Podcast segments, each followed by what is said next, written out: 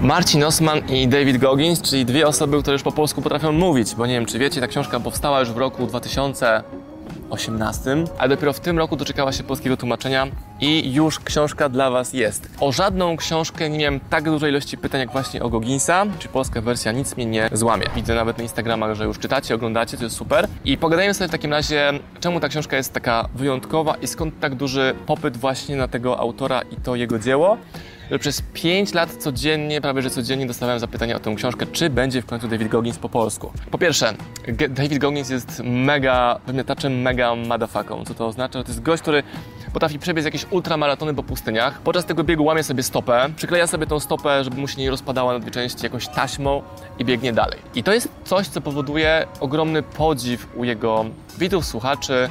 Ma mnóstwo wideo, które są mocno wiralowe, mówiące o motywacji, inspiracji i tak dalej. All I need is a miracle. Well, guess what? That miracle ain't coming. There is no perfect time to start. You gotta start now. Ale też warto pamiętać o innej twarzy Gogginsa. W mojej ocenie jest to osoba, która przeżyła hardkorowe rzeczy podczas dzieciństwa i w mojej ocenie na pewno cierpi na jakąś odmianę e, PTSD, tej post-trauma syndrom. Przez tak traumatyczne doświadczenia dzieciństwa stała się zupełnie inną osobą niż człowiek przeciętny, no bo główny komunikat Gogginsa jest taki, że jeżeli dochodzisz do swoich granic, to znaczy, że jesteś dopiero przy 40% swoich możliwości i masz jeszcze 60% energii, mocy, aby pójść dalej. Jeżeli twoje ciało mówi ci, żebyś przestał, umysł musi nad nim zapanować i powiedzieć ciało, nieprawda, mam jeszcze mnóstwo energii, możemy napierdzielać do przodu. Wręcz powstał taki termin jak gogginsowanie. Ten termin po raz pierwszy pojawił się chyba w podcaście u Rafała Mazura o gogginsowaniu. Czym jest gogginsowanie jako czasownik? Jest takim napierdzielaniem, ciśnięciem ponad swoją miarę, Goggins powiedziałby, że wcale nie ponad swoją miarę, ale dopiero w pełnym potencjale. Ale gogginsowanie w mojej ocenie to, ocenie to również zbyt mocne ciśnię, ciśnięcie, albo wręcz chlubowanie się w tym, że jest mi ciężko. Pokazywanie, jak bardzo jest mi ciężko publicznie, po to, żeby ludzie widzieli ten mój trud, czyli nie ma życia bez cierpienia. To jest ta definicja Gogginsa. Nie ma życia w komforcie, trzeba cały czas wychodzić poza ten dyskomfort. Ale czy na pewno? No, ja nie do końca się z tym zgadzam, że trzeba być w permanentnym dyskomforcie. Można być w dyskomforcie na poziomie projektów, pracy, etapów, ale nie, że jest to stan defaultowy, a u Gogginsa wydaje się, że to jest właśnie stan defaultowy ciągłego poszerzania barier i zasięgów. Ktoś powie, dobra Osman, nie jesteś Gogginsem, jesteś znacznie od niego mniejszy, ale on w takim razie ma jakby większą wartość i jemu lepiej warto wierzyć, bo to on te wyniki turbo osiąga. Ja jestem amatorskim biegaczem, gdy biegłem mój pierwszy półmaraton, czułem, że mogę pobiec trochę mocniej na końcówce, ale ja nie chciałem ryzykować kontuzji, tylko po to, żeby mieć wynik lepszy o dwie minuty. A Goggins powiedziałby, że nie Osman, odpuściłeś, jesteś leszczem, trzeba było napierdalać. Jego komunikacja jest bardzo mocna, również jeśli chodzi o kwestię języka, jaki e, używa. Ale widocznie to właśnie fascynuje ludzi. Przekraczanie granic, osiąganie niemożliwych rzeczy, bicie kolejnych rekordów.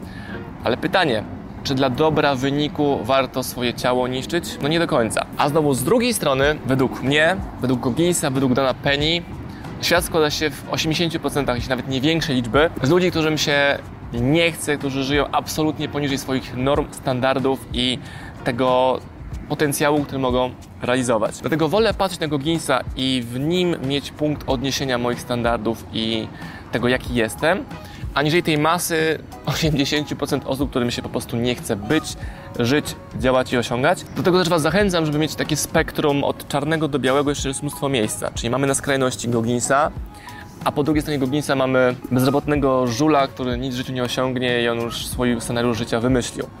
A po drugiej stronie Goggins, który osiąga najwyższe szczyty w swojej dyscyplinie, czy, czy Penie, czy innych wymiataczy stajni autorów OSM Power, ale pomiędzy jest mnóstwo miejsca. Więc mi jest bliżej do gościa, który spędza czas z rodziną i hastluje i ciśnie i napierdziela projektowo, sprintowo, ale mam momenty również odpuszczenia. Nie wiem, czy wiecie, ale głównym powodem oczekiwania na tą książkę jest również to, że ona była po angielsku, a później po hiszpańsku dostępna, a nie było wersji polskiej. I teraz gdyby Goggins wam miał coś odpowiedzieć, to byłoby to zdanie w stylu Hej, yo, motherfucker, miałeś 5 lat, żeby nauczyć się języka angielskiego i nie zrobiłeś tego, czekałeś, aż książka będzie po polsku. Jak ja to powiedziałem na moim Instagramie, to miałem hejt, e, że hej, czemu śmieję się ze swoich klientów i czytelników? Nie śmieję się, ale pokazuję wam w praktyce lekcję Gogginsa.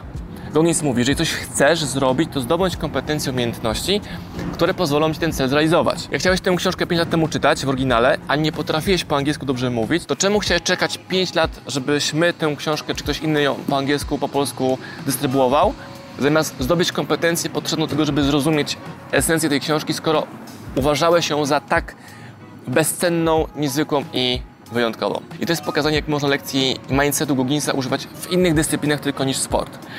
Są ludzie, którzy mają genialne ciało, tam 3% tkanki tłuszczowej, są, wiecie, tacy ripped. A na przykład na poziomie finansów mają mega braki, bo wymyślili, że Goggins mówi o tym, żeby być super sprawnym fizycznie. Goggins mówi o tym, żeby być super sprawnym życiowo, a on to akurat reprezentuje w świecie sportu. Więc pytanie, czy mając super sylwetkę jesteś sprawny na poziomie finansów, edukacji rozwoju, czy tylko masz dobrą sylwetkę? Albo odwrotnie, czy jesteś bogatym przedsiębiorcą, ale z wielkim brzuchem? Więc wtedy bierzemy sobie mindset od Gogginsa dbałości o ciało. I Goggins pisze takie zdanie. Pierwszym krokiem na drodze do wypracowania odpornego umysłu jest regularne wychodzenie poza swoją strefą komfortu. Wyciągnij ponownie swój dziennik i zapisz w nim wszystkie te rzeczy, których nie lubisz robić lub które sprawiają, że odczuwasz dyskomfort. Szczególnie te, co do których masz pewność, że tak naprawdę są dla ciebie korzystne. I teraz idź i zrób jedną z nich, a potem zrób to ponownie. I w tym materiale, sporej części książki również, Goggins zachęca do tego, żeby wręcz zmuszać cię do rzeczy, których nie lubisz robić. Ja nie do końca się z tym zgadzam. Czyli na przykład ja nienawidzę realizować wszystkich kwestii formalnych, e, papierów, dokumentów, faktur i tak dalej. Więc ja od samego początku mam defaultowo wydelegowanie tego do robienia przez moją firmę księgową, czy przez e, pracowników, którzy mają kompetencje bardziej analityczne niż ja. Więc ja nie będę się tego zmuszał, żeby to robić. Ale znowu, czymś innym jest zmuszenie się do tego, żeby wyjść na trening biegowy, to rozumiem, ale może, jeśli nie lubisz biegać, może warto poszukać innej dyscypliny w ogóle niż bieganie, żeby być cały czas w, w trybie sport, a może zamiast tego biegania lepiej będzie ci pływać. Więc to jest ten moment, z którym z Gogginsem nie do końca się zgadzam, że ja muszę siebie zmuszać, żeby iść biegać, jak nienawidzę biegać. I jeśli na to miejsce robię inny rodzaj sportu albo zajmuję się innym obszarem biznesu. Gogginsowanie jest tylko narzędziem. Od Ciebie zależy, jak do tego podejdziesz. I już możesz tę książkę czytać po polsku, więc nie masz żadnych powodów, aby po nią nie sięgnąć. Nic mnie nie złamie. David Goggins, dostępny po polsku. Polecam.